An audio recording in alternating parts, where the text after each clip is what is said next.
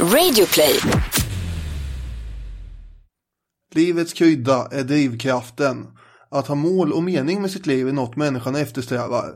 Att ha projekt. Göra något som man känner påverkar eller bidrar till något.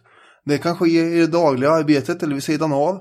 Det kan vara vad som helst för vem som helst. Det viktiga är nog att det är något som finns där för varje människa att uppfylla under sitt korta jordeliv. För att slå bort det där monstret som kallas apati och som äter upp all livsglädje inifrån. Vissa människor i historien har haft en övertygelse om att uppnå eller bevisa något som drivkraft. Här kan man rada upp exempel på allt från frihetskämpar till politiker, artister eller idrottsstjärnor för den delen. Men vi tar Kristoffer Columbus. Han hade en dröm. Det finns ju fler som har haft. Men eh, det här var att bevisa att det faktiskt gick att ta sig till Indien genom att resa havsvägen västerut fast Indien egentligen låg österut. Eftersom jorden enligt all logik eh, var rund så borde det också enligt all logik gå. Men så kom det något i vägen. Och Vasco da Gama sen, han bevisade att det gick att nå Indien via havet. Eh, men österut istället. Och eh, sen kom då dagens huvudperson in på scenen, Ferdinand Magellan, och säger att han ändå minsann kan nå Indien, precis som Columbus tidigare hade sagt att han skulle göra. För han, han vet en väg, och det ska han bevisa nu. Varför är alla så besatta av Indien? Var det bara en fråga om att uppnå personliga drömmar för personlig ära och berömmelse? Genom att bevisa att någonting var möjligt? Varför skulle livsfarliga och svindyra expeditioner utrustas för den sakens skull egentligen? Det är sant att de här människorna, precis som många av oss andra, hade personliga drömmar, mål och ambitioner. Men de här verkar ha haft drivande drömmar som gick ut på samma mål. Eh, att nå Indien liksom. Martin Beheim skrev 1492 att när det gäller kryddorna från Indien som var så vansinnigt eftertraktade eftersom alla ville ha eh, smakrik mat, peppar och ingefära och massa gott och gott gott Eh, så passerade kryddan 12 händer på sin ockervandring till slutkonsumentens tallrik. Det gav ett skyhögt pris och incitament att ta sig förbi de turkiska tullkostnaderna. Om Columbus, da Gama och Magellan drevs av egna ärofyllda sjöfararambitioner i sina bröst som går att placera i en idealistisk historiesyn så var det högst kommersiella drivkrafter som finansierade expeditionerna och därmed blir det också en materialistisk historiesyn. Se där vad jag har vävt ihop en massa spexiga historiebegrepp under tiden här som du satt och lyssnade. Ja, för mitt och Robins stora projekt med mål och mening här i livet det är att, att podda om historia och få dig att inse hur spännande det är. Eller hur? För det är inte bara kryddan som är drivkraften, utan drivkraften som är kryddan.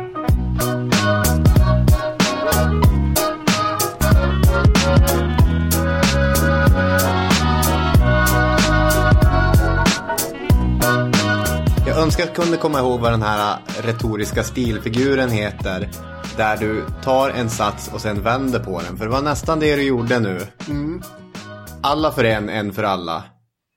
Inte litotes. Ah, skitsamma. Hej och välkommen till Historiepodden. Ja, välkomna. Det var väldigt vad du spände bågen där Ja, i inledningen. Ja, det var ju min eh, första inledning för året. Ja. Och det var... Här ska vi lägga ribban högt. Jajamän. Kanske lite väl. Eller vadå? Äh, nej, det tycker jag inte. Sen är det ju... Det är så många olika trådar som kommer upp. Egentligen vill man ju börja diskutera det. Vad som är idealistisk och materialistisk historiesyn och inte. Mm. Men här var ju bara poängen att få in de begreppen. Ja. Är våra lyssnare med på begreppen tror du? Ja, nu har vi i alla fall bollat upp begreppen. Men jag tror vi har pratat om det här innan med. Vid olika tillfällen. Om inte annat så kommer vi till det. Vi kanske kan komma till det lite grann vad det lider under avsnittet också. Det här är Historiepodden, en folkbildande och kul podcast som vi gör tillsammans med våra vänner Radio Play och våra vänner på Comedy Central. Det är inte bara vi som gör andra avsnittet för säsongen utan Drunk History gör också andra avsnittet för säsongen. Ja, Förra veckan så handlade det om Great Escapes. Nu blir det showbiz i veckans Drunk History Legends. Riktiga legender. Och Drunk History är precis som ni hörde ett program där en lätt berusad, olika va- varierande grader av lätt berusning. ja man har intagit eh, ja, vissa eh, olika mängder alkohol då. Sen ska man berätta en story. Ja. Bland annat en story om en kille som åker ut för ett vattenfall i, i någon sammanhang här. Ja men det är Sam Patch, det är ganska intressant. Det är en av de här dårarna som var först ut med att ta sig ner från Niagarafallet. Mm, ja just det, Niagarafallet. Jag menar vi kommer prata om eh, Ferdinand Magellan idag. Men hur, jag menar sätta sig på en båt och segla iväg i det okända. Det är väl ingenting mot att hoppa ner för ett vattenfall. Nej, Va, vad är det som driver en att göra det? Apropå. Ja, för att ta reda på det så måste ni se Drunk History imorgon kväll. Mm. Klockan 10 på Comedy Central. Jajamän, då får man svar på det. Ja, Ella Fitzgerald och Marilyn Monroe och massa andra kommer också swisha förbi så. Missa inte det. Måndag 16 i första klockan 22.00. Ska vi börja i namnet kanske? Jag menar, det här avsnittet kommer handla om en portugisisk sjöfarare som under spansk flagg påbörjade en remarkabel seglats. Vi kommer kalla honom Ferdinand Magellan. Mm. Det hette han ju inte. Ja, men det är så man uttalar det ofta när man... Det är en förenklad version som kommer från angloamerikansk historieskrivning främst. Och det är bekvämt det. Han hette Fernau de Magalhães. Mm. Tror jag. Jag har suttit med NEs uttalsverktyg. Jo, det är vad du har brukar göra. Ja. Vi kommer inte använda det uttalet. Nej. För Magellan eller Magellan eller Maggelelle. Det ligger bättre i munnen. Det är lättare för oss. Mm. Det här var en man som föddes någon gång på 1480-talet. Ska vi börja där eller ska vi börja ännu tidigare? Ja, börja, vill du vill börja tydligen så börja när du vill här. Ja, nej, men jag tänkte han Ja, men då börjar jag. 1480 ungefär. Man vet inte precis när han föddes för ganska mycket är okänt om den här mannens tidiga historia. Men som du var inne på i, på inledningen så levde han ju i en tid av stora upptäckter. Och jag har märkt när jag har pratat med olika med kompisar och släktingar och liknande under veckan att jag får ju ofta frågan vad kommer vad ska avsnittet handla om i veckan? Mm. Så jag har sagt då, ja, Magellans världsomsegling. Och då har jag fått två olika reaktioner. Mm. Och det ena är det här, ja vilket stort äventyr och modigt att ge sig ut. Alltså en typ av glaset är halvfullt syn på den. Och den andra reaktionen jag har fått är, ja, det är någon sorts förstadium till kolonialismen och eh, det är svårt att glädjas åt det här när man vet följderna det fick och det är ju ännu tydligare så med Columbus. Ja, det skulle jag vilja hävda. Ja, men jag är... Jag tänker att de här karaktärerna är lite så här, är glaset halvfullt eller halvtomt? Människor, jag tänker att du väldigt mycket tycker att det här är storslagna äventyrare. Ja, det är ju i grunden min inställning, ja. Ja. Eh, sätter du citationstecken kring upptäckter?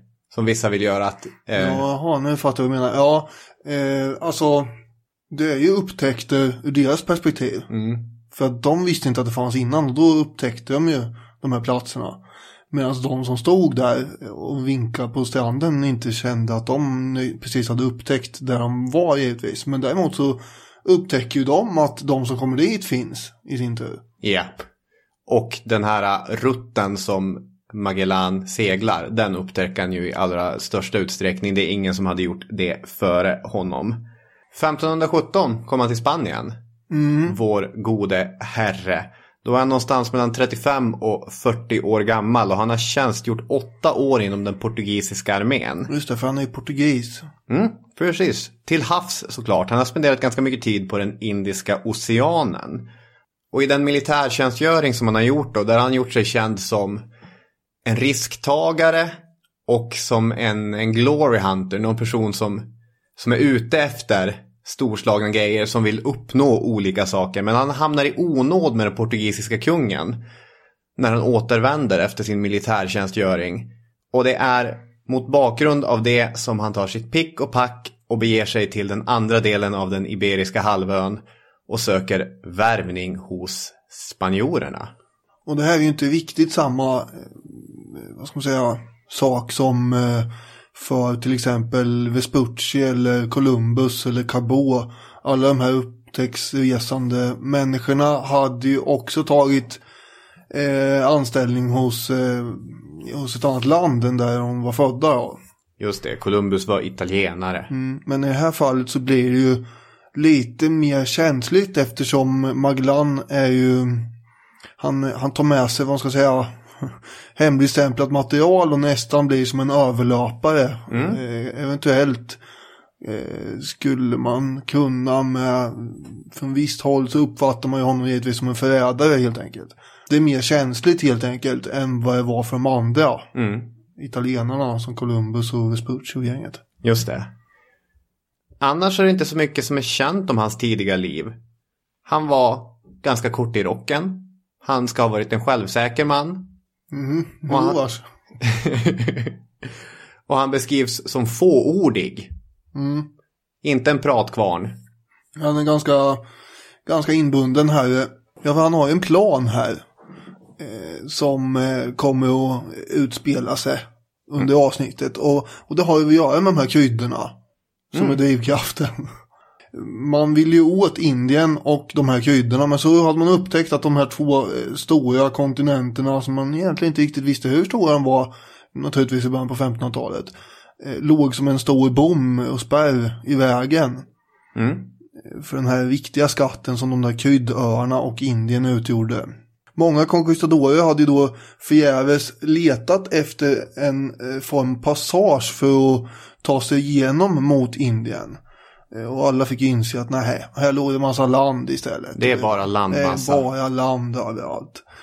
Eh, Jag vill bara säga det också att eh, när du säger att jag tycker att de är äventyrare alla de här och att det är det som är det stora. Mm. Så beror det på vilka vi pratar om. Jag menar Cortés och Pizarro, de här två conquistadorerna som lägger Mexiko och eh, Inkariket under sig. Eller Mexiko, aztekernas rike i, i nuvarande Mexiko. Ja, Det var ju två eh, ganska hårdhänta herrar. ja. Som jag inte i första hand skulle säga att de är charmiga upptäcktsresanden. Utan de är ju väldigt giriga eh, herrar. Absolut. Och då sätter jag till exempel sådana som eh, Columbus och Magellan lite grann i ett annat fack ändå. Mm. Magellani tycker jag är svårare att förhålla sig till eftersom det inte finns någonting kvarlämnat från honom. Vi kommer väl in på källmaterialet vad det lider. Columbus dagbok, även om den så, såklart är kontextbunden och jag menar han tänker ju som en person gör på sent 1400-tal. Men den är så osympatisk i hans inställning gentemot de nya människorna han träffar. En annan sån person som är lättare att döma också, på tal om Pizarro och så. Det är ju Vasco Nunes de Balboa. Som 1513 har tagit sig igenom Sydamerika och där beskrivit det sydhav som finns på andra sidan kontinenten. Det är mot bakgrund av sådana upptäckter som Magellan börjar drömma om hur ska jag ta mig dit, hur ska vi lösa det här? Nu är jag väldigt nyfiken här för att jag tänkte förklara lite grann var han har fått den här idén ifrån. Och sådär. Och då pratar de om eh, den här Balboa. Mm. Berätta mer. Balboa var en spansk conquistador och erövrare som hade huggit sig igenom Sydamerika på 1510, 11, 12, 13-talet och kommit till kusten och där beskrivit ett sydhav. P- eh, På land ja. Ja. Just det. För Magellan eh, har ju också en väldigt tvärsäker inställning i att det finns en passage. Jag tror det var det jag menade. Om du hade fått fram ett namn på hans källa som hänvisar till att det finns en sån. Nej, Men det var inte det, utan det var på, han har gått över land ja. envisa sjöfararrykten tänker jag är Magellans källa. Ja, han har ju en eh, källa som är den här eh, som, som jag läste upp i början, Martin Beheim. Mm. Som då är en kartograf som var väldigt känd på den här tiden. Mm. Och på hans eh, kartor som eh, Magellan hade sett i den portugisiske kungens hemliga arkiv. Han, där han precis hade fått tillträde vid något ti- tillfälle. Så hade han ju sett Beheims kartor och då fanns det någonstans eh, där vid 40 breddgraden utritat att här finns det ja, en passage liksom. Det här var ju hemliga kartor och papper förstås då, som inte var meningen att någon annan utanför Portugals eh, sjöfarargäng skulle känna till. Mm. Men då måste man fråga sig, vart hade Beheim fått den här uppgiften och eh, så? För han hade ju aldrig varit i Sydamerika. Och Ja. eh, det hade inte Magellan heller för övrigt, utan han har hållit till i östern. Mm. Eh, och då eh, undrar man ju lite grann hur, hur kan har han bara suttit och fantiserat ihop det här med hem? Ja, det hade ju funnits portugisiska expeditioner, finns det dokument som, som avslöjar, som hade utforskat Sydamerikas kust ganska långt ner. Hur som helst så hade den här Behem eh, fått höra det här och ritat in den här passagen vid 40 breddgraden. Och sen har då eh, Magellan fått se de här kartorna och blivit totalt, totalt övertygad om att det här stämmer. Så här är det, här kan man åka igenom. Och sen blev han, hamnade han då i onåd hos eh, portugisiska kungen som sagt. Tog med sig den här informationen till den spanska kungen och sa jag vet en väg. Inte som många andra conquistadorer sa, jag hoppas att jag ska hitta en väg igenom. Utan han, mm. han vet. Han sålde ju in det på det sättet. Men är det belagt att han verkligen trodde att det, fanns en väg? Eller var det bara en chansning från hans sida? Det var säkerligen, alltså, allt det jag läst tyder på en bergsäker man. Mm. Som sen, vart efter, inte kommer vara lika bergsäker längre. Men dit kommer vi. Ja, det kommer vi göra.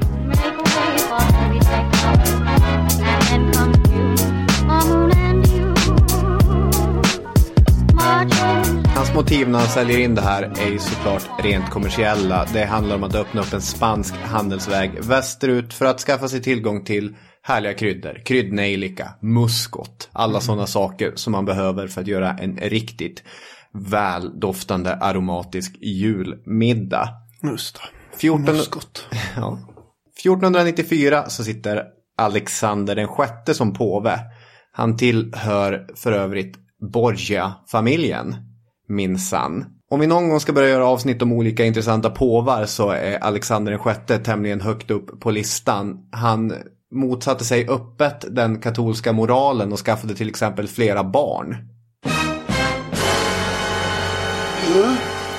Ja, det är inte så många påvar som har gjort det. Men han gjorde mycket annat också. Till exempel var det han som lejde Michelangelo att jobba med Peterskyrkan. Mm. Bra gjort. Det är ju bra att ha det på CVt att man trodde på Michelangelo. Ja. Han var ganska nära till tortyren så han är i vissa källor verkligen beskrivet som ett monster. Det är ju inte lika bra på CVt. Den här personen, ren ondska. Men han hade ganska mycket med Spanien och Portugal att göra också. För det här är de två tidiga kolonialmakterna.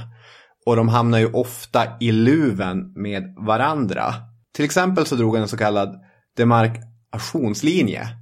Demarkationslinje, en linje. Mm. Mellan i Sydamerika som visade vad som skulle vara portugisiskt intresseområde, vad som skulle vara spanskt intresseområde, vilka språk som skulle gälla eh, var. Så ganska klassisk kolonial politik. Här sitter en snubbe på andra sidan ett hav och drar ett streck för vad som ska gälla. Ja. Men han delade också upp eh, vad det gällde handelsrättigheter, hur det skulle fungera mellan Portugal och Spanien. Om man ska förenkla det lite grann så kan man säga att västerut, det var Spaniens intresseområde. De hade ju hittat Amerika. Det är mm. rimligt att de får segla västerut. Österut, det är Portugals intresseområde. Eh, det är ju rimligt. Det var ju Dagama som hade tagit sig runt Goda Hoppsudden där. För att ta sig till de här Moluccuöarna kryddöarna utanför Indonesien. För att ta sig mot Indien, ska man segla västerut då, då gäller det att hitta en passage. För österut, runt Afrika, Dagamas rutt, det är portugisiskt intresseområde. Så där har man ju ett sätt att sälja in varför jag ska segla västerut för att hitta de här dyra, dyra, dyra, dyra kryddorna. Mm. Det är Karl den femte som nyligen då är, har gått och blivit kung här över Spanien. Han är även kejsare över tysk-romerska riket och så. Mm. Han är bara 18 år vid det här laget. Fina titlar. Ja, jo, han är väldigt mäktig herre. och han eh, har man då från, eller man, Magellan har lyckats övertala honom om att det här är en bra idé. Mm. Och för det här lilla projektets skull så får han eh, fem fartyg som han ska åka iväg med namnen på dem kan man ju dra lite grann. Det kommer bli alltså fem fartygsnamn och sen nämner vi lite grann de här kaptenerna också. Mm -hmm. Eftersom kungen eh, utser ju spanska kaptener då givetvis eftersom han är en spansk kung. Det är ett spanskt eh, expedition. Projekt, ja. Men man hade kunnat tänka sig att när han har låtit Magellan som då ska vara amiral över hela projektet att han hade kunnat få utse vilka som ska vara kaptener på de olika fartygen. Men nej, Det är kungen som bestämmer det. Mhm. Vilket spelar viss roll. San Antonio heter det största skeppet på 120 ton. Där sätter kungen Juan de Cartagena. Mhm. Mm. Och sen har vi Trinidad som är flaggskeppet. Och sen har vi Concepcion som leds av en Gaspar Quesada. Och sen har vi Victoria på 85 ton som leds av Mendoza. Och sen har vi det lilla söta skeppet Santiago som leds av eh, Joao Serrao. Mm. Och Magellan hade då väldigt noggrant eh, förberett allt det här själv. Columbus till exempel, om vi tar honom som jämförelse, han bara eh, han la ut det här på entreprenad. Jag orkar inte hålla på och kolla om det är en massa prylar med som ska vara rätt i, nerpackat och sånt där. Han bara hoppade på lite grann och sen körde iväg. En duktig ledare kan delegera. Ja, eller så vet man att om det är så att man missar att få med sig någonting så kommer det att kosta. Ja. För man kan inte uppfinna det när man är borta sen liksom. Utan man behöver ha med sig allting från början och vara noggrann med det. Det tycker jag då att Magellan var bättre på. Mm. Varenda liten skruv eller hammare var väldigt noggrant upptagen i olika listor. Eh, Och han gick ju själv runt med de här listorna och kollade i lastrummen. Ja visst, det är ju pedantiskt det här. Lite tvångs eh. Det får man hålla med om. Mm. Sen mäter man allting i skålpund. Vilket då är eh, ett halvt kilo ungefär. Så jag har försökt omräkna det här i kilon. För att tala om vad man har med sig lite grann. Det kan ju vara spännande. Mm, Sju, höra. 700 ljus. 84 lyktor. 10 000 kilo skorpor. 984 ostar. 450 stängar vitlök och rödlök. 2800 kilo saltat fläsk. Massor med mjöl, bönor, linser, ris och 200 fat sardeller. Massor av vin, sherry också minsann. Eh, russin, mandlar, ättika och senap. Och sen sju levande kossor. Tusentals metkrokar kan vara bra att ha och fiskenät. Mm. Man måste kunna fiska. Mm. Och någonting kan säkert gå i skogen så då behöver man reparera och fixa. Och då behöver man kletigt klet, Mm. tjära, Mm. eh, vax och bäck och Ja. sånt och massa trä. Jag var på Västerbottensmuseet under i julas och såg en 30 minuters lång dokumentär om hur kära framställs. Ja, allvarligt. Ja, oh ja. Så att det, vi har inte tid att gå in på det nu. Men vad jag kan berätta. Du vet det här om tjära nu då? Nu vet jag. Ja. Det är ju skönt att ha en expert med sig på området faktiskt. Ja. Ja. Eh, Man behöver också byta saker och ting med folk som man träffar på. Så därför har man ju förstås med sig 900 små speglar, 10 större speglar, 20 000 pinglande klockor och bjällror, 400 billiga tyska knivar och 600 saxar. Det här är ju sånt som imponerar på folk eh, på en, eh, någon slags ö någonstans. Som aldrig har sett något liknande. Färgglada näsdukar och mängder med eh, såna här glaskulor. Det brukar vara den klassiska. Glaspärlor. Ja. Man har förstås massa medicinsk utrustning, navigeringsutrustning, musikinstrument som trummor tamburiner med. Och massa sånt också. Allt det här låter ju väldigt mycket men det är ju 241 man som ska ge sig iväg på en resa där de flesta inte ens vet hur länge de ska vara ute. Nej. Så det behövs ju proviant, det behövs Det grejer. behövs mycket grejer ja. 58 kanoner och en massa vapen har man ju också med förstås. Mm. Jag har läst ganska ingående den här Stefan Zweig. Heter eh, en författare då som har skrivit Magellans världsomsegling. Mm. Så när jag kommer dra en del citat så kommer det framförallt från Zweig här. Ja, den titeln är ju intressant men det kommer vi kanske till. Ja, just det. Ett citat då till exempel. För amiralen själv har enkom beställts två harnesk från Bilbao som klär honom i järn från topp till tå som ett övernaturligt osårbart väsen kan han i dem träda emot de främmande folken. Fastän Magellan principiellt vill undvika strid är sålunda hans expedition i militärt avseende inte sämre rustad än Cortés-expeditionen som samma sommar, 1519, i andra änden av världen erövrar ett miljonrike med en handfull män. Ett hjälteår för Spanien har börjat.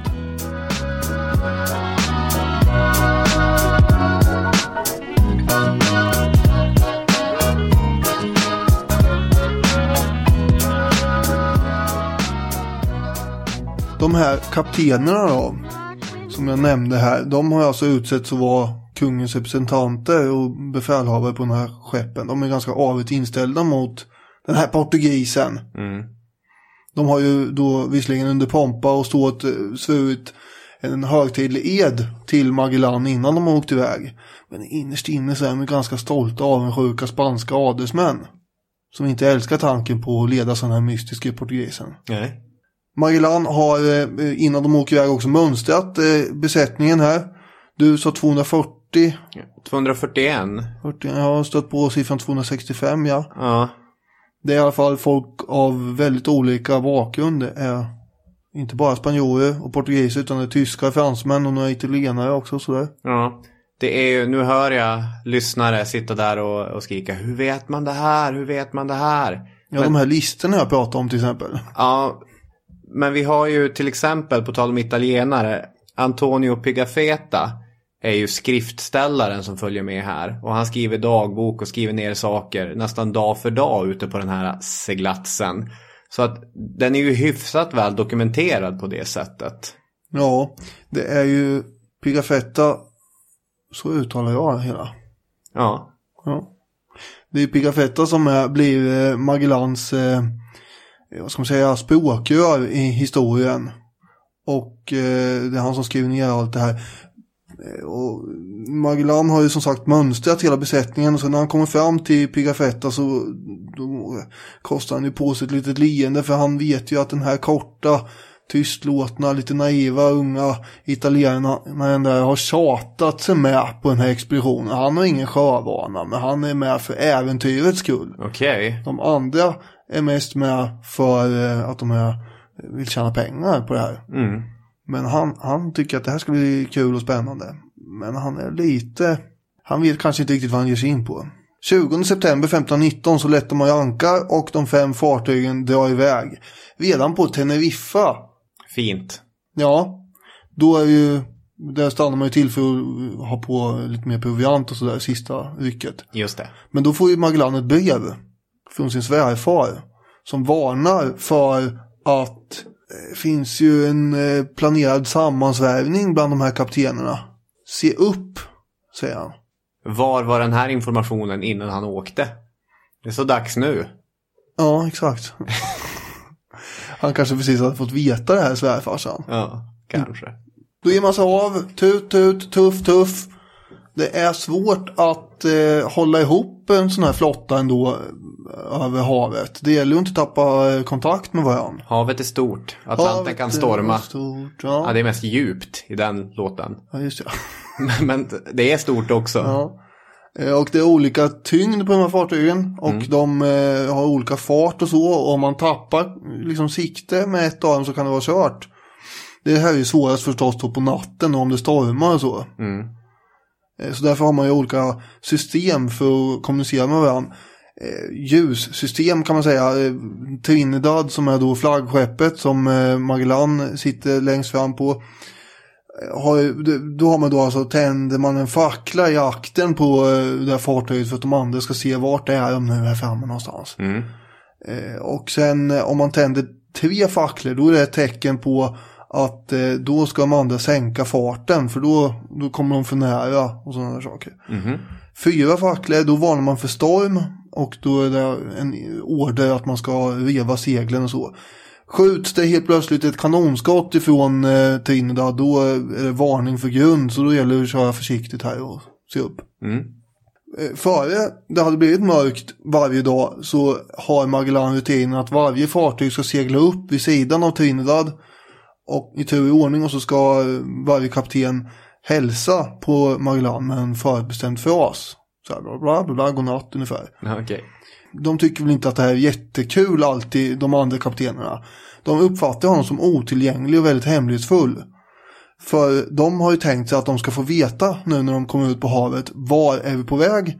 För det vet de inte. Nej, och det är ju en helt rimlig sak att tycka att man ska få veta av sin admiral. Det kan man ju faktiskt eh, argumentera för, ja. Eh, och då tänkte de sig att det skulle han avslöja när de bara väl hade kommit ut. De Ja. kunde väl acceptera att han kanske var lite hemlig innan på grund av spioneri och sådana saker. Men det här hände ju inte. Han höll ju käften. Istället ska man göra något konstigt charad. Segla fram till honom och göra någon förutbestämd vinkning. Ja visst förstår du, som om det vore några andra legoknäktar. Äh, För han bjuder ju inte ombord dem heller. Oj. Det, någonsin, alltså, någonsin, det har han ju varit efter. Men det dröjer ju länge. De vill ju få visa upp sin kunskap och att de kan saker och ting. De vill bli rådfrågade. Mm. Istället så får de bara följa efter som någon slags följa John här med det ljussystemet och sådär. Mm. Och dessutom har Karl lagt om kursen eh, jämfört med det man trodde. Man ligger längs den afrikanska kusten väldigt tätt här. Varför gör vi det? Ja, kanske skulle det vara tecken på att han försöker fånga upp någon slags vind eller sådär. Men Cartagena till slut, han, han blir så irriterad på det här, en av kaptenerna, så han frågar ju varför, varför håller vi på så här? Med ett bud då. Eh, skickar över ett brev där helt enkelt. Magellans svar blir väldigt undvikande och kyligt och han svarar bara helt enkelt Ingen har att fordra några förklaringar av mig utan alla måste helt enkelt lyda. Och då skriver Zweig så här angående Magellans person lite grann, särskilt i det här inledande skedet. Mm. Magellans hand var sträng och hård. Det kan inte förnekas och den saknade alldeles förmåga att smidigt jämna ut där den tagit i för häftigt. Aldrig lärde sig Magellan konsten att säga hårda saker på ett älskvärt sätt. Att hjärtligt och öppet umgås med förmän eller underordnade. Därför måste från början en spänd och fientlig atmosfär uppstå kring denne man, som var ett energicentrum av första rangen. Eh, Och eh, under de kommande tre dagarna så vägrar Cartagena helt enkelt åka upp jämsides med Trinidad och hälsa. Han skiter i det. Det här är ju en väldigt öppen protest. Eh, Och mitt ute på havet så sänder han signalen till de andra fartygen att jag, jag ifrågasätter den här Magellans överordnade roll överhuvudtaget. Men Magellan tiger och eh, tar de här förolämpningarna, verkar det som. Han gör ingenting åt det. Istället så går han omkring på eh, däcket i sitt skepp där och bara beter sig högst vardagligt ju. Till slut så kallar han ändå ombord de andra kaptenerna för eh, att diskutera någon småsak om någon matros eller sådär. Då frågar Cartagena igen rakt ut om den här kursändringen. Varför har vi hållit den här kursen? Eh, men han är ju så kärv, Maglan, så han säger ju ingenting där. Utan han bara, nej, har inte det med att göra ungefär. Nej, nej, nej. Och då busar ju Cartagena upp och börjar eh, högljutt kritisera hela, hela idén här och vill ju veta. Och då bara knuffar Magellan på Cartagena och så pekar han på honom och säger Zed peso! Ni är min fånge. Och de andra kaptenerna här tittar ju storögt eh, och häpet omkring sig. Vad är det som händer här? Jo, Cartagena blir fängslad. Och slängd i eh, i ett hörn kan man tänka sig. Men Mendoza, en annan kapten, han, han ber eh, till eh, Magellan att ändå respektera att det här är en adelsman vi har att göra med och sådär. Jag kan ta hand om honom på mitt skepp så, så han inte behöver sitta i bojor åtminstone. Och då går Magellan med på det, här, bara han inte, han tar ifrån honom befälet på San Antonio. Alltså det är ju ett, jag kan tänka mig att det är ett ensamt jobb att vara högst upp. Men det är, men det är ju härligt att ha sina löjtnanter med sig lite grann. Mm. Svår han verkar vara. Ja, han var ju ganska svår och inte så tillgänglig som sagt. Men eh, han visste ju från början att han hade de här spanjorerna emot sig. Alltså det som gör att han eh, får ha makten här överhuvudtaget, det är att han sitter på information som ingen annan har. Eh, Om han ger ifrån sig den makten, den här eh, kartan som han har ifrån portugisiska kungens eh, arkiv där. eh, Som han åtminstone har kopierat på något sätt ju. Eh, Vad finns det då för anledning att ha kvar honom? Då kan ju de åka dit och kolla det där själva. Så jag förstår ändå lite grann att han sitter på den här informationen så länge. Men jag förstår också dem, att de är irriterade. Atlanten kan vara ett busigt hav. Det kan blåsa upp rejält till storm och vid tillfällen trots att de rullar ihop sina segel så tajt som det bara går så kommer vinden och sliter tag i dem och till och med river sönder seglen. Den mest iögonfallande episoden från Pigafetas texter som jag reagerade lite grann på det var ju i samband med just en sån här fruktansvärd storm. Om man tänker sig den här spanska katolska kontexten. Hur religiös man är. vad, vad är det här? Det är tidigt 1500-tal. Man är riktigt isolerad ute på sjön. Och så hör man ett susande ljud. Riktigt så här tydligt susande ljud. Och sen uppstår en boll av ultraviolett ljus högst upp i masten. Vad tänker man då? Hur reagerar man på det? Du är inte ensam där. Gud ser dig. Om det är inte Gud som ser dig så är det i alla fall... Någon av dina utomjordingar. Nej, förlåt. Nej. Nej, det är inte någon av mina utomjordingar. Det är ju Elmo. Det är sjöfolkets skyddshelgon, Sankt Elmo, som skickar sin Elmseld. Det som på engelska kallas Saint Elmo's Fire, som jag före det här avsnittet bara trodde var namnet på en 80-talsfilm. Där Rob Lowe spelar saxofon genom att sitta gränsle över en jukebox. Men Elmseld är också ett naturfenomen som tydligen är ganska vanligt ute på, på Atlant, eller ute på havet och även i väldigt bergiga regioner. Nu ringer min jävla väckare. Jag ställde ju väckaren så jag inte skulle visa På spåret i fredags. jo, och, och den här bollen då. Det är inte så att den bara är där en sekund eller fem sekunder. Utan den är där en minut, ibland ännu längre, flera minuter. Och när urladdningen sedan sker, för det här är alltså mycket hög elektronisk fältstyrka. Och när urladdningen sker, då sticker ljuset iväg åt alla håll och kanter utifrån eh, masten och seglen. Mm. Oj, oj, oj. Vilket intryck. Man är bönhörd, man är inte ensam där. Den här tuffa seglatsen över det mörka havet kommer inte krossa oss. Vi har Sankt Elmo med oss. Spexigt måste vara att se det där. Ja, det tror jag. Är det något annat som händer över Atlanten eller är vi på väg till Sydamerikas kust? Ja, dit kommer man ju 13 december. Rio de Janeiro-bukten. Eh, väldigt fredlig handel utspelar sig i den här bukten. Och eh, Pigafetta eh, till exempel då han förundrar sig över hur otroligt billigt allt är. Han köper sex höns för en metkrok. ja, det är billigt. Det är billigt. Och två gäss för en kam. Mm. Ja, det har jag själv. Och eh, han beskriver hur ananasen ser ut som en stor tallkotte och hur och utomordentligt eh, söt och god smak det är. Och så pratar han om det söta röret.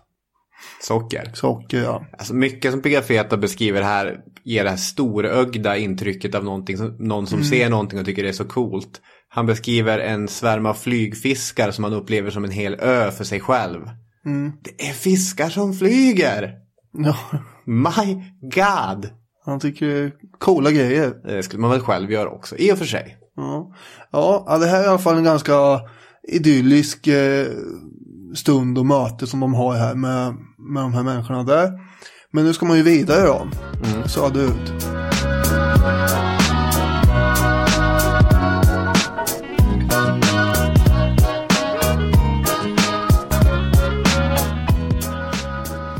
Och då börjar man efterhand runt den 40 breddgraden att gira Mhm. och eh, åka in i den bukt där Magellan tänker sig att här ska den här passagen fin- finnas någonstans. Ja. i Mina hemliga kartor. Precis. På en modern karta så är vi någonstans mellan Uruguay och Argentina. Och det är ju 28 mil långt och som bredast 22 mil. Ja, så det är ju helt begripligt att man tänker sig att det här inte bara är en flod. Ja. Eh, La Plata-floden har alltså en otroligt bred eh, infart i den. ju. Mm.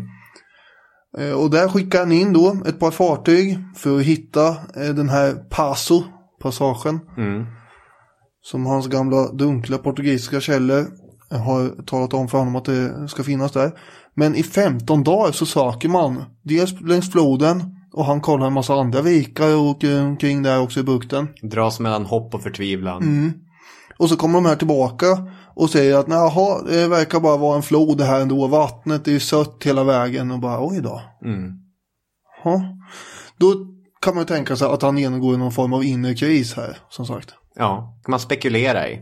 Ja, det är en rimlig reaktion. Eftersom det han har trott Mm. ska vara inte är. Han kan ju inte låta någon se det här heller. Eller hur? Nej. Eftersom det skulle ju vara att erkänna att han inte vet vad han håller på med. Han kan inte erkänna att hans uppgifter som han har f- liksom skapat hela projektet för är felaktiga. Att han har utgått från något som är falskt och inte längre gäller. Det här måste ju vara ofattbart desillusionerande och ångestväckande. Avgrundsdjup besvikelse tänker jag mig pågår inne i honom här nu. Mycket, mycket möjligt. Alla löften som är orsaken till projektet eh, vilar numera på ingenting. Och nu får han eh, vända sig till ordet om. Om det finns en passage så måste den finnas längre söderut. Mm. Och eh, då måste man ge sig sö längre söderut. Vi fortsätter söderut för ett alternativ när det man tror är inte är. Det är att vända om. Mm. Och säga jag hade fel. Det här var dumt. Nu är det vi som åker tillbaka. Ja, vi lägger allting eh, i papperskorgen. Ja. En annan variant är att göra som Magellan och säga det kan finnas ändå. Vi ska kolla varje vik, varje liten strömma, varje bäck. Mm. Ja, grejen är, han säger ju inte att den inte finns. De andra, ska vi komma ihåg, svävar fortfarande i total ovetskap om vad han har för eh, kunskaper om eh, den här passagen. Det är vinter på G också. Det är ju vinter på G i polarområdena ja. Och då ska jag läsa lite citat till här när man rör sig söderut. Allt ogästvänligare, allt naknare och kalare blir kusten. Allt mörkare himlen. Slocknat har det vita sydliga ljuset. Gråa moln skymmer den blå himlen. Det är slut med de tropiska skogarna med deras ljuva, berusande doft som smekande kringfläktar skeppen långt ute på havet. Försvunnet för alltid i Brasiliens vänliga land och det yppiga av frukter dignande träd. De vajande palmerna, de brokiga fåglarna, de gästvänliga männen och kvinnorna. Här trippar blott pingviner omkring på den kala, sandiga stranden och vaggar ängsligt iväg så snart någon närmar sig dem. Dumma och lata välter sig sjölejonen på klipporna. Eljest syns vitt omkring ingen levande varelse. Människor och djur tycks utdöda i denna beklämmande ödemark. Mm. Det här hade ju inte besättningen skrivit på för. Riktigt. Oklart vad de hade skrivit på för Att de skulle till Kryddöarna i och för sig. Ja, Och där trodde de att det skulle vara varmt och soligt. Det här är inte så varmt och soligt. nej. För det var ju det som var målet i alla fall. Så mycket hade de ju fattat. Långt kvar till Indonesien fortfarande. Mm. Magellan försöker lugna besättningen genom att bland annat jämföra med att ja men i Norge och Island är det också kallt och där går det att segla. Eh, De håller inte med om att det är samma sak. För det här är väldigt långt hemifrån. Vi är på en plats där ingen kristen människa och inte ens en människa för den delen, varken hedning eller kannibal syns ju till. Mm. Inte ens vargar eller björnar verkar finnas i de här omgivningarna säger de. Nej. Kaptenerna då, de håller sig ganska tysta och lugna vid det här laget ändå. De anar ju att, antagligen att Magellan eh, inte vet vad han håller på med längre. Varför skulle de annars ha åkt längs La Plata-floden och undersöka alla de här bukterna och vikarna och sådär. Men då måste han också snart erkänna för dem att han inte vet vart de är på väg och så. Och då kommer ju de slå till, är väl tanken, kan man tänka sig. Mm. Men Magellan erkänner ju ingenting. För det var ju just den där katastrofen som, som man inte vill ta i. Istället så bara eh, berättar han att nu ska vi övervintra här i den här avlägsna, kalla, bistra viken långt söderut. Mm.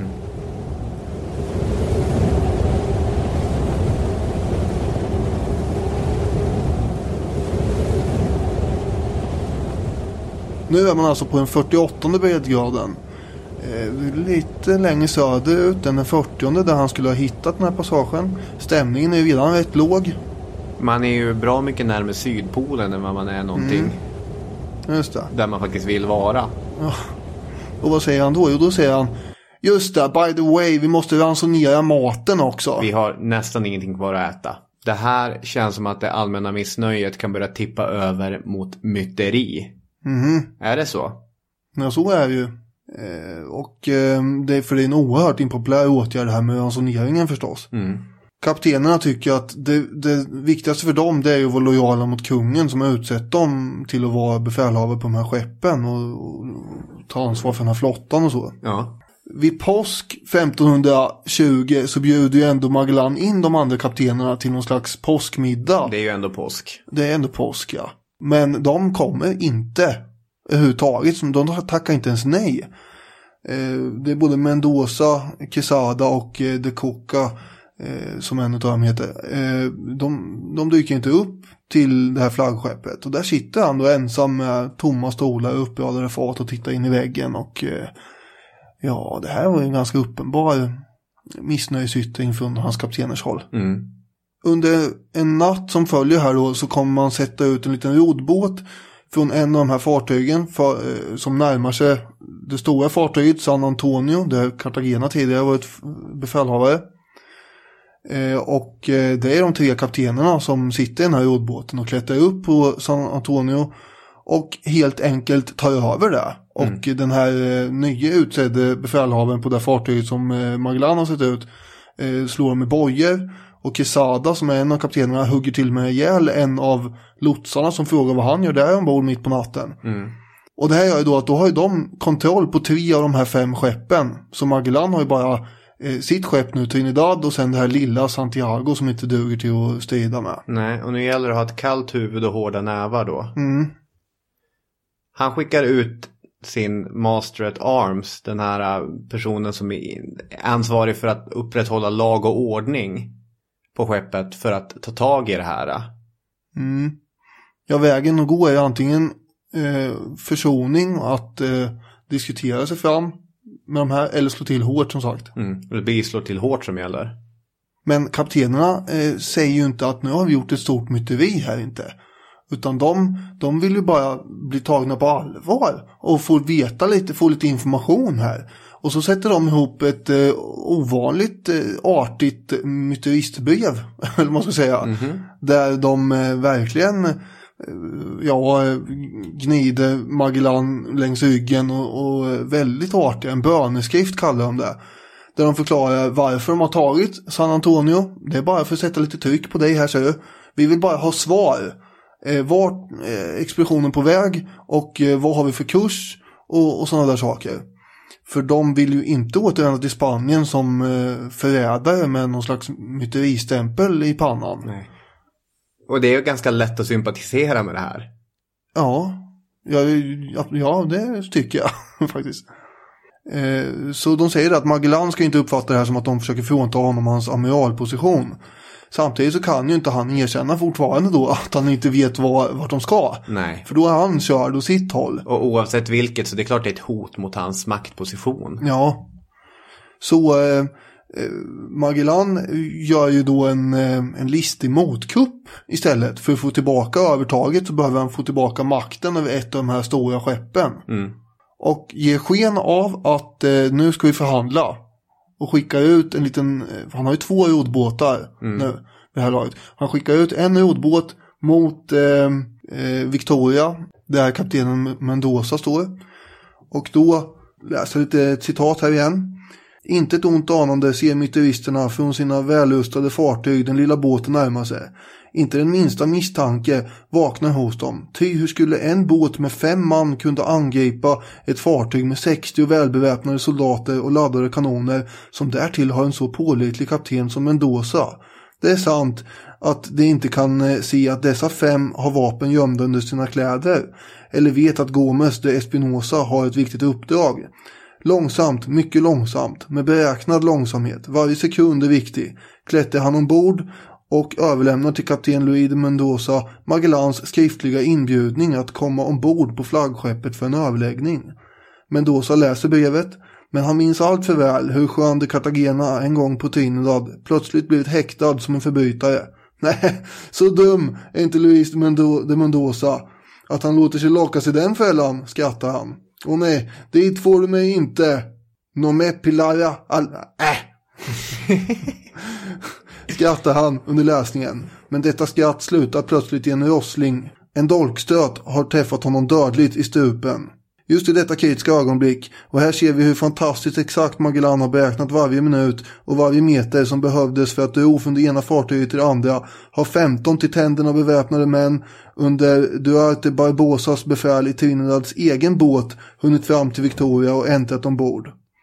Och eh, det uppstår ju stor panik på Victoria här då när eh, en, den andra roddbåten har nått fram samtidigt. Mm. Och de har tydligen inte blivit upptäckta då. Och sen så tar man då tillbaka eh, makten över Victoria. Mm. Och då har man majoritet, då har man fler skepp i Magellans inflytande mm. än tidigare. Och så kan man blockera vägar för de andra skeppen också. Just det. Nu måste man ju straffa någon här också. Mm.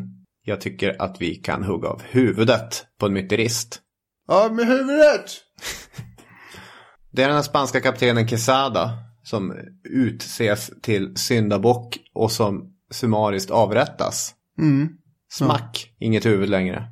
Det är någon form av avskräckande exempel ju. Ja, För många av de andra eh, blir förlåtna. Han kan ju inte driva den här expeditionen vidare utan dem. nej han behöver ju folk som ska segla med honom.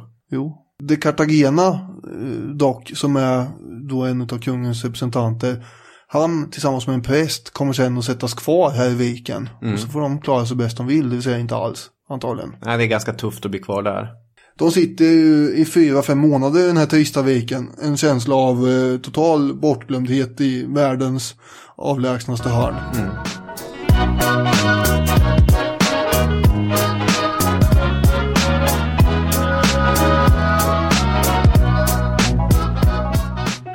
Han lyckas ju navigera det här potentiella hotet mot hans äventyr på ett ganska effektivt sätt. Men sen har de ju stora problem ändå.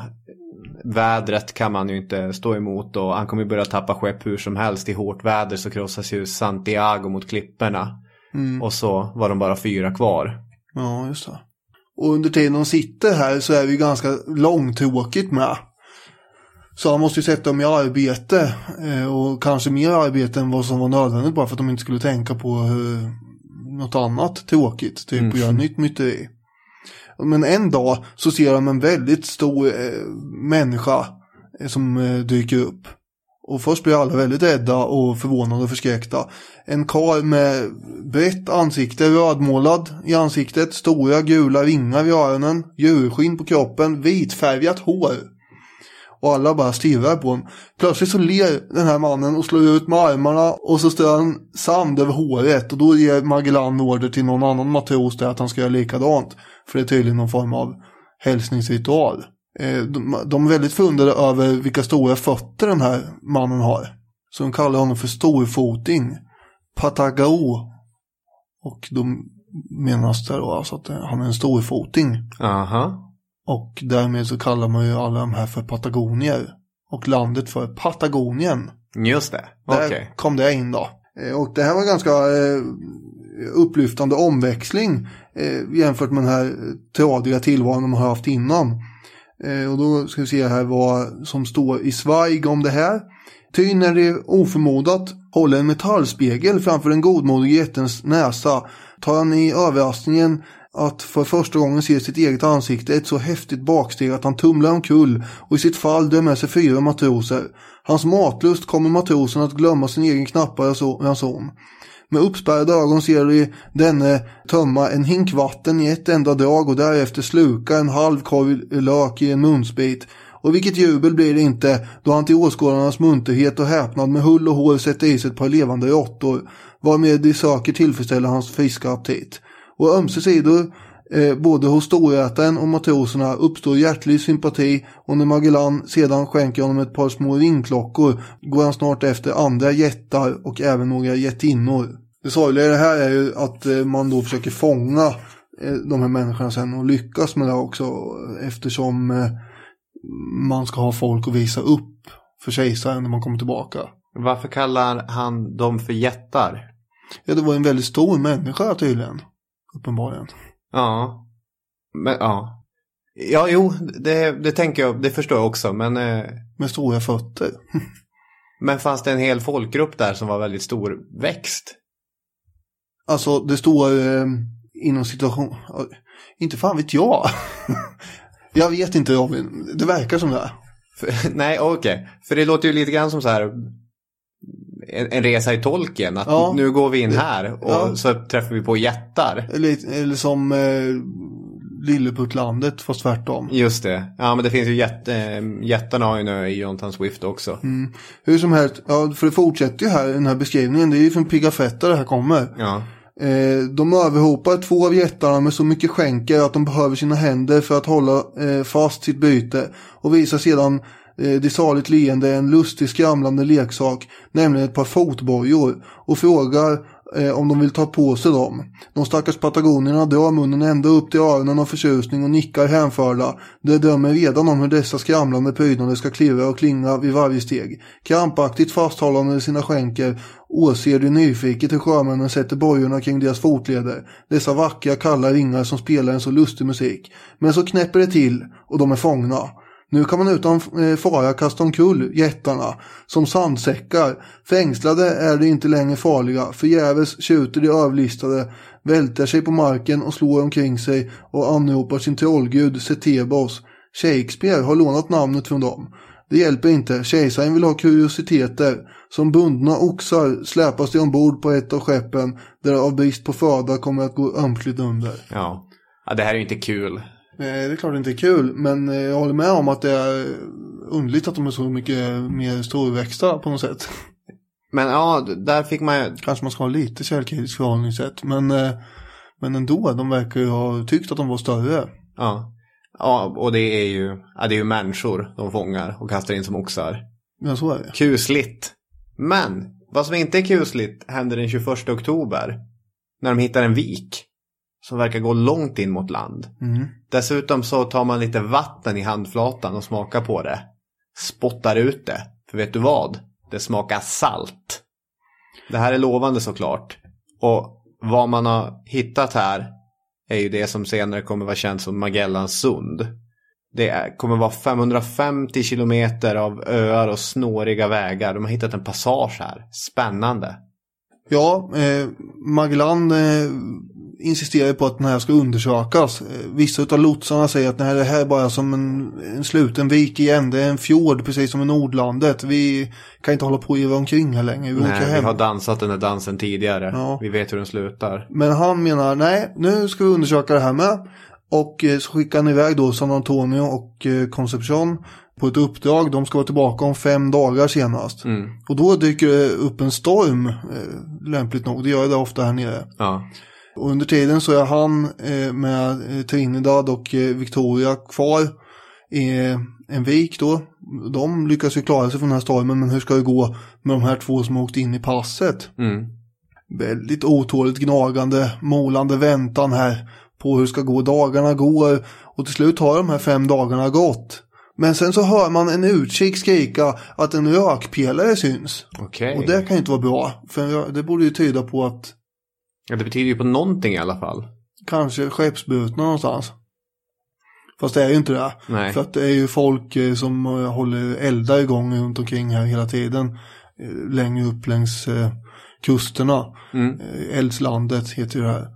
Och eh, istället så skriker eh, utkiken att eh, här kommer det skepp med segel. Inte bara ett skepp utan två. Så båda har ju klarat sig. Mm. Och plötsligt så dundrar det från de här fartygens eh, sidor. Kablam! Ja, eh, de skjuter ju salva på salva och vad är frågan om egentligen? Och på däck så står matroser och, och kaptenerna också vinkar och skriker och alla vimplar och flaggor hissade. Och då börjar väl insikten bubbla upp inom den gode Magellan att kanske kan det vara möjligt att det här är passagen de har hittat. Ja. Ganska mycket eh, tyngd måste ju ha droppat från hans axlar då. ja. Och jag tror att det är noll glädje. Jag tror bara det är lättnad. Ja, så kan det vara. Den finns. Den finns ja tydligen.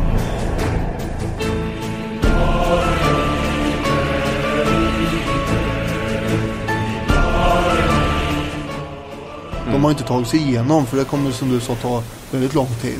Men det är ju det här saltvattnet och det finns massor med andra tecken på att det här är inte bara en flod. Nej. Och sen ger de sig in i den här labyrintliknande strukturen med massa skär och kobbar och grund överallt. Och så håller de på att åka runt där i en månad innan de kommer ut. Ja, det är riktig villervalla. Tuff seglats. 38 dagar tar det att navigera hela den här sträckan. Innan man kommer ut på andra sidan. Och på andra sidan havet, vad finns där? Jo, där finns havet. Och hur är det havet med då? Jo, vi har haft det så eländigt. Vi har haft det så tufft på Atlanten längs med hela den här kusten. Vi har haft det så tufft eh, i det här sundet. Men här är allt vackert. Allt är lugnt, allt är stilla. det här måste ju vara det stilla havet. Det är det namnet som Magellan ger till det. Ett namn som, för att citera NE, beskriver ett tillstånd som på intet sätt är representativt för Stilla havet. Nej, det är vi ju inte. Men just då kändes det nog som det jämförelsen med där de hade genomlevt i Magell- Magellansund. Mm. Jag tror att de har tappat ett skepp på vägen genom den här Ja, eh, ju, labyrinten också. Så de är tre stycken som kommer ut på andra sidan. mm, det är San Antonio, det är tappat och tappat. De har ju dragit hem helt ja, enkelt. precis. Eh, Fast det vet ju inte Magellan om då, men de har ju deserterat helt enkelt. Ja, så att de är tre stycken som kommer ut på andra sidan. Och börjar segla norrut på Stilla havet då. Allt är inte frid och fröjd för de kartor och sjökort som de har med sig är baserade på den gamla grekiska astronomen och geografen Ptolemaios. Och han var en supersmart man. Men han levde hundratalet i, i, i modern tideräkning. Det är rätt länge sedan. Till och med på 1500-talet så är det rätt långt tillbaka. Ja, han hade inte varit så nära Stilla havet. Nej.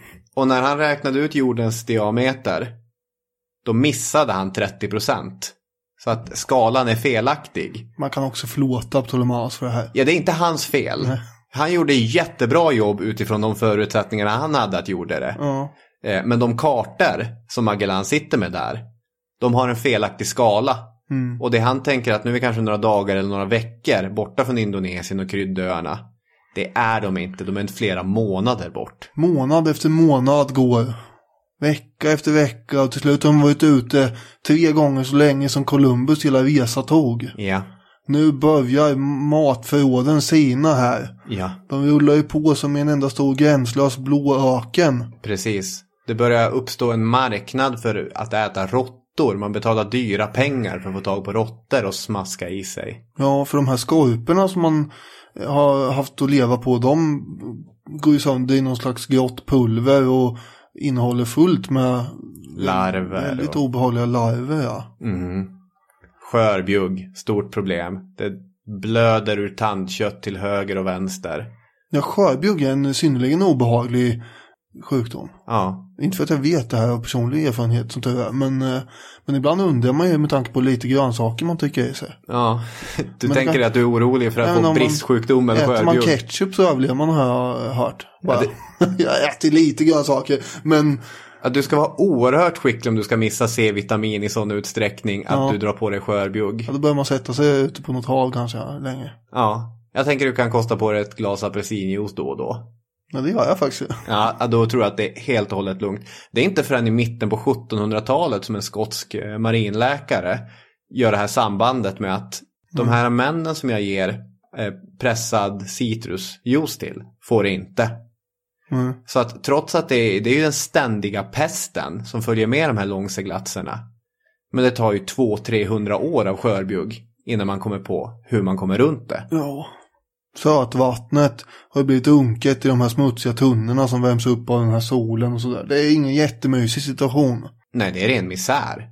Fattigdom, urmod, svält. Och sen, vad är det de ser? Det kommer komma öar och regnskog. Filippinerna. Ja, Fint! fint då. Ja, men det kan man faktiskt tänka på. Skillnaden mellan att vara nästan, inte skeppsbruten, men skillnaden att vara isolerad på Stilla havet i fem månader. Och så helt plötsligt träffa på Filippinerna. Prunkande vackra Filippinerna. Ja, det blir en väldig skillnad här nu. Fet fisk, söt frukt, andra människor. Ja, det här är människor som aldrig har träffat på europeer förut. Eh, de första öarna de kommer till och sådär.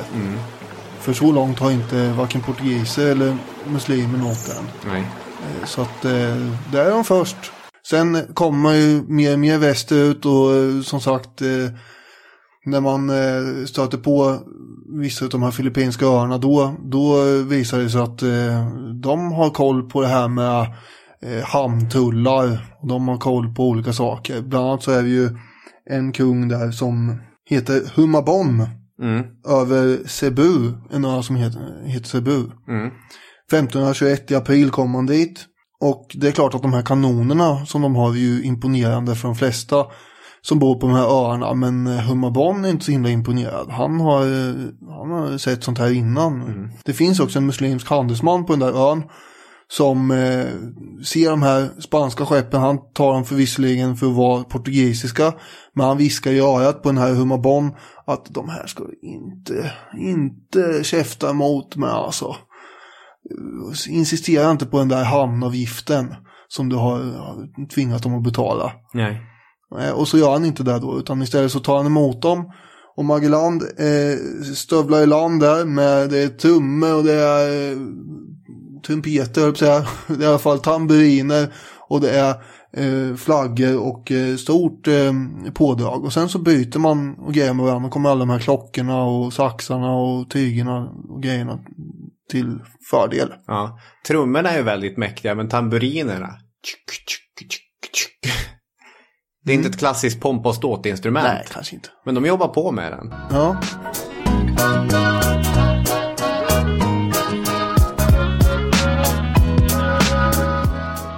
Magellan är samtida med conquistadorer som Cortés, conquista conquistadorer som Pizarro, som är en liten grupp spanska soldater med rustningar och vassa vapen, lite krut, besegrar stora riken. Tusentals soldater. Men det går inte lika bra för Magellan när han ger sig på den krigiska banan. Nej, och eh, han hade ju aldrig den eh, egentligen, eh, vad ska man säga, ambitionen på samma sätt som dem. Utan han, eh, till exempel på den här ön, Cebu, med den här kungen hum, Humabon och alla de som bor där. De får man ju att eh, vända sig till, ja de vet ju inte riktigt vad kristendomen är, men de eh, köper det liksom bara, ja men det här vill vi vara med på. Och man gör det hela åtminstone väldigt oblodigt och det är fredlig handel och sådana där saker. Men eh, Magellans tanke är ju att om vi nu har här en, eh, en kung som har eh, valt att ha den spanska kungen som överhöghet och dessutom eh, erkänner den kristna katolska tron. Då måste ju han vara kung över alla andra områden i området. Mhm. Alla andra öar. Och då av en händelse så finns det en grannö. Där sitter en kung som heter Lapu Lapu. Han är inte alls pigg på det där med att byta till någon kristen gud. Nej, och han gillar inte eh, sin grann eh, kungakompis där. Eh, så att eh, han tänker inte erkänna varken honom eller Magellan eller någon spansk fjärran kung. Nej. Så att dels är det lite missionsarbete här, att hela den aspekten faller in. Och så dras han dessutom in i en regional konflikt. Och han tänker sig att det här ska vi ta och banka ner lite elegant med hjälp av, eh, ja, vi behöver inte så himla många ens, utan 50-tal räcker. ja. Och eh, de spanska harnesken och kanonerna kommer minsann göra stordåd. Eller kommer de det? Eller kommer de där? Det är ju frågan. Ja, men det här är en otroligt illa planerad och tajmad attack. För till exempel så kommer skeppet dit när tidvattnet står på det sättet att de kan inte komma i närheten av den här ön. Så att skeppen står utanför kanonernas eh, räckvidd. Dessutom får de ju vada långt, långt, långt, eller i alla fall uppemot en kilometer eller så. I vatten upp till bröstet och ett harnesk är ganska tungt som det är. Ja, Det blir inte mindre tungt när du ska gå i det här djupa vattnet. De har med sig för lite ammunition. Den ammunitionen de har med sig blir blöt. och sen, ja, de eh, överfaller ju Magellan och eh, har ihjäl honom. Det här går helt åt helvete för honom. Tillsammans med sju andra. Och de andra eh, drar ju tillbaka ut till Via. Mm. Och där slutar ju hans berättelse. På en strand i Filippinerna. Mm. Man försöker köpa loss liket men det vägrar den här kungen också gå med på där borta. Mm. Och det är därför som jag tycker till exempel att titeln på den där boken, Magellans världsomsegling, är lite intressant att förhålla sig till. För han genomför inte någon världsomsegling. Nej, men ändå. Eh, tycker du att det är orättvist att han får äran för det? Ja men det är ju inte helt tydligt, är det ens det han vill? Det går ju Nej. att spekulera på det sättet att när, för nu är de ganska nära kryddöarna, nu är de ganska nära Indonesien. Kanske var hans plan att fylla skeppen, kryddor och proviant och sen återvända samma väg de kom. Ja, ja. Det är ju långt ifrån självklart att det var någon sorts världsomsegling som han hade avsett. Och det är ju intressant med det här, du var i början på ska man ha en idealistisk eller en materialistisk syn. Och en idealistisk är då att vi tillskriver de enskilda aktörerna och deras idéer och drivkrafter en avgörande betydelse för historiska skeenden. Mm. Columbus vill inte till Amerika. Det är ett misstag. Magellan, som vi ger cred för att göra första världsomseglingen, gör ingen världsomsegling och det är inte tydligt att han ens vill göra det. Men i, nu, idén är ju inte att hitta Amerika eller kanske åka jorden runt. Utan idén är ju att hitta vägen till Indien. Det är det som är drömmen. Och sen Ja. så bara uppstår Amerika däremellan. Och att Magellan inte åker jorden runt har ju ingenting att göra med passagen. Det var ju det som var hans dröm och ambition. Ja, ja, absolut. Men det här Det som... är fortfarande eh, idealistiskt. Absolut. Men det är, om man ser till avsikt. Det som, framförallt i fallet med Columbus, det som man avser att göra är inte det som man faktiskt gör. Nej, men det hindrar ju inte att det är en, en vision han har för det. Nej, det som är, driver honom. det är, men då är det ju bara en slump. Alltså, då om man... Men det är hur som helst, ja. Jag, jag förstår inte riktigt vad jag vill åt. Ja, men det är, ju, det är ju en klassisk kritik mot det idealistiska perspektivet att aktörernas egen avsikt, tanke och ambition är inte alltid det som de faktiskt uträttar. Nej, så eh, är vi ju. Men det kan ju ändå komma något eh, annat istället som sagt. Och det betyder ju inte att det är något annat än en, än en vision som har drivit dem. Nej, absolut Bara för att inte. det råkar vara en annan vision än den det blev. Nu är vi ute och snurrar här på konstiga, jag vet inte vad vi landar i det här. Jag tycker bara det är lite ironiskt att Magellan är inte är en världsomseglare. Nej, men det är ändå hans eh, expedition som kommer runt jorden först. Och där kanske vi ska ta och summera lite snabbt här då. Juan Sebastian Elcano är den unga spanjor som tar över Victoria.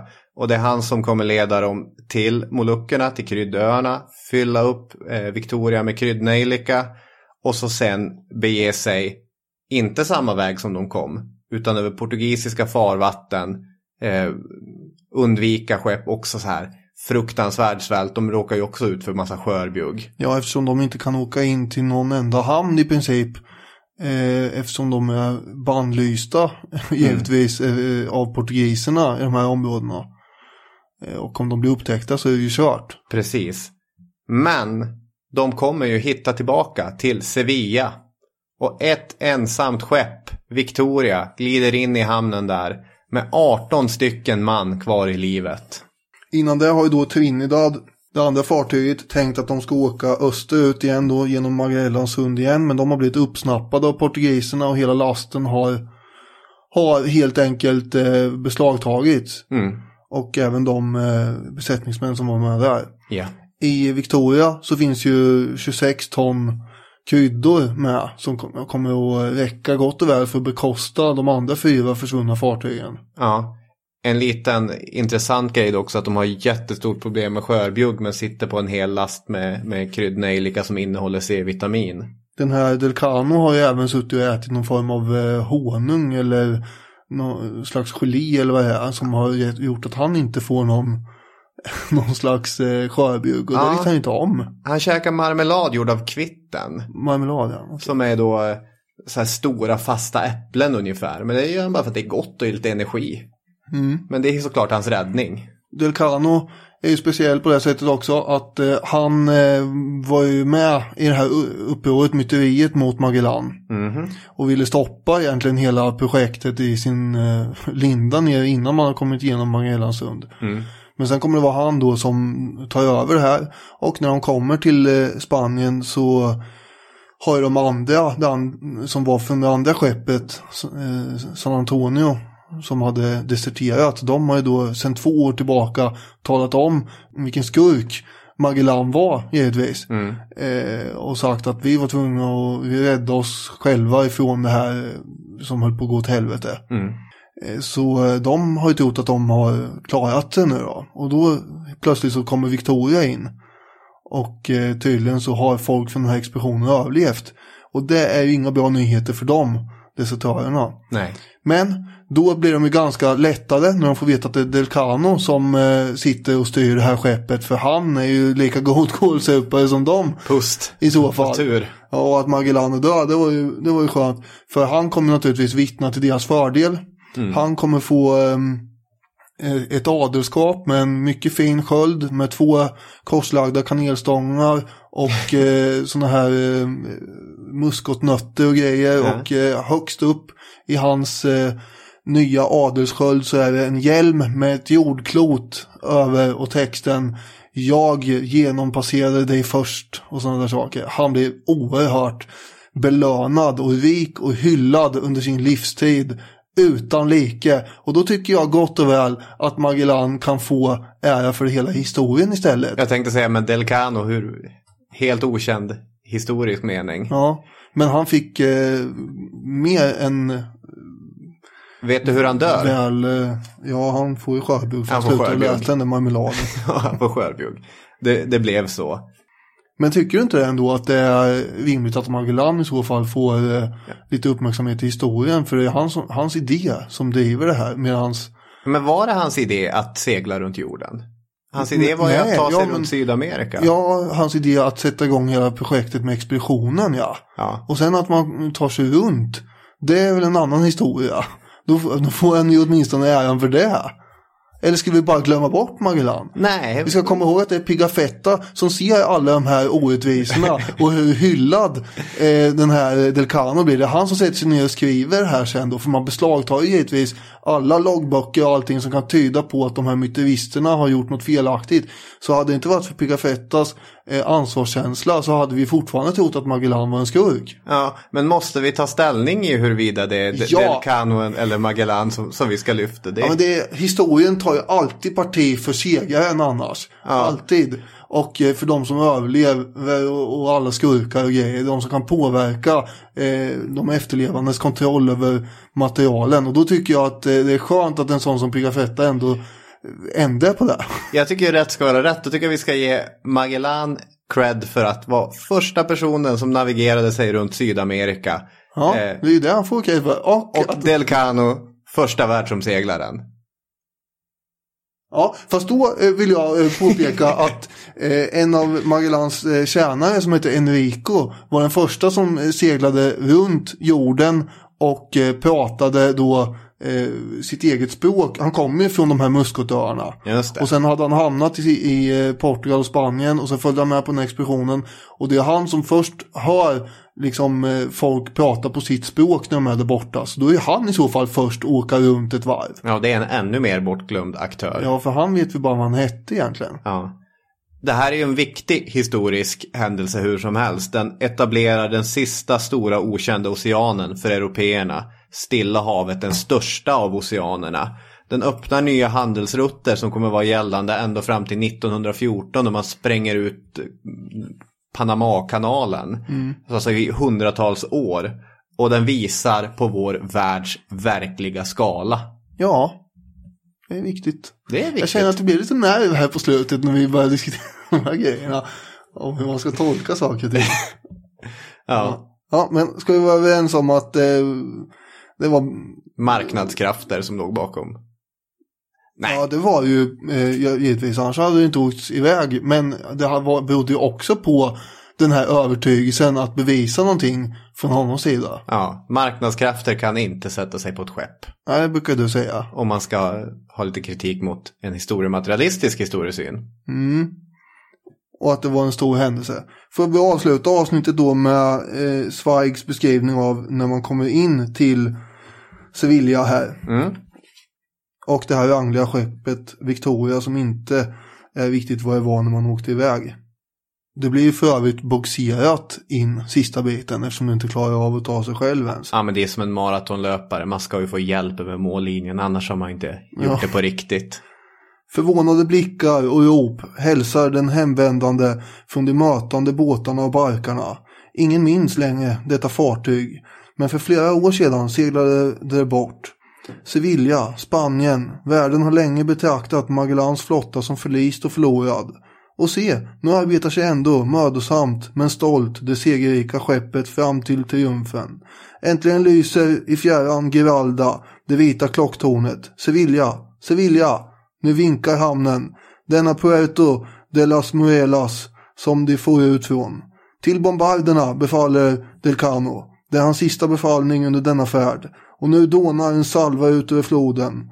På samma sätt hade de bortdragande för tio år sedan tagit farväl av hemlandet. Så hade de också med kanonerna högtidligt hälsat det nya upptäckta Magellansund och den okända Stilla Oceanen. Så ropade de ut sin seger när de skönjade Filippinernas arkipelag.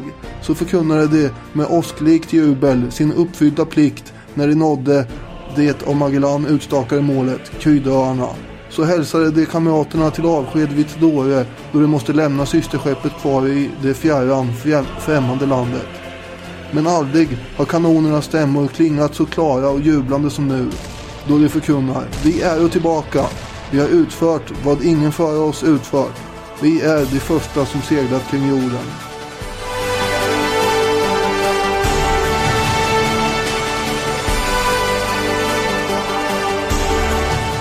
Tack så mycket för att ni har lyssnat på det här avsnittet av Historiepodden. Ja, tack så mycket och glöm inte Comedy Central klockan 22. Ja, just det. Drunk History. Tack så mycket för idag. Vi är tillbaka nästa söndag med något helt nytt. Ja, tack så mycket. Hej, hej med er!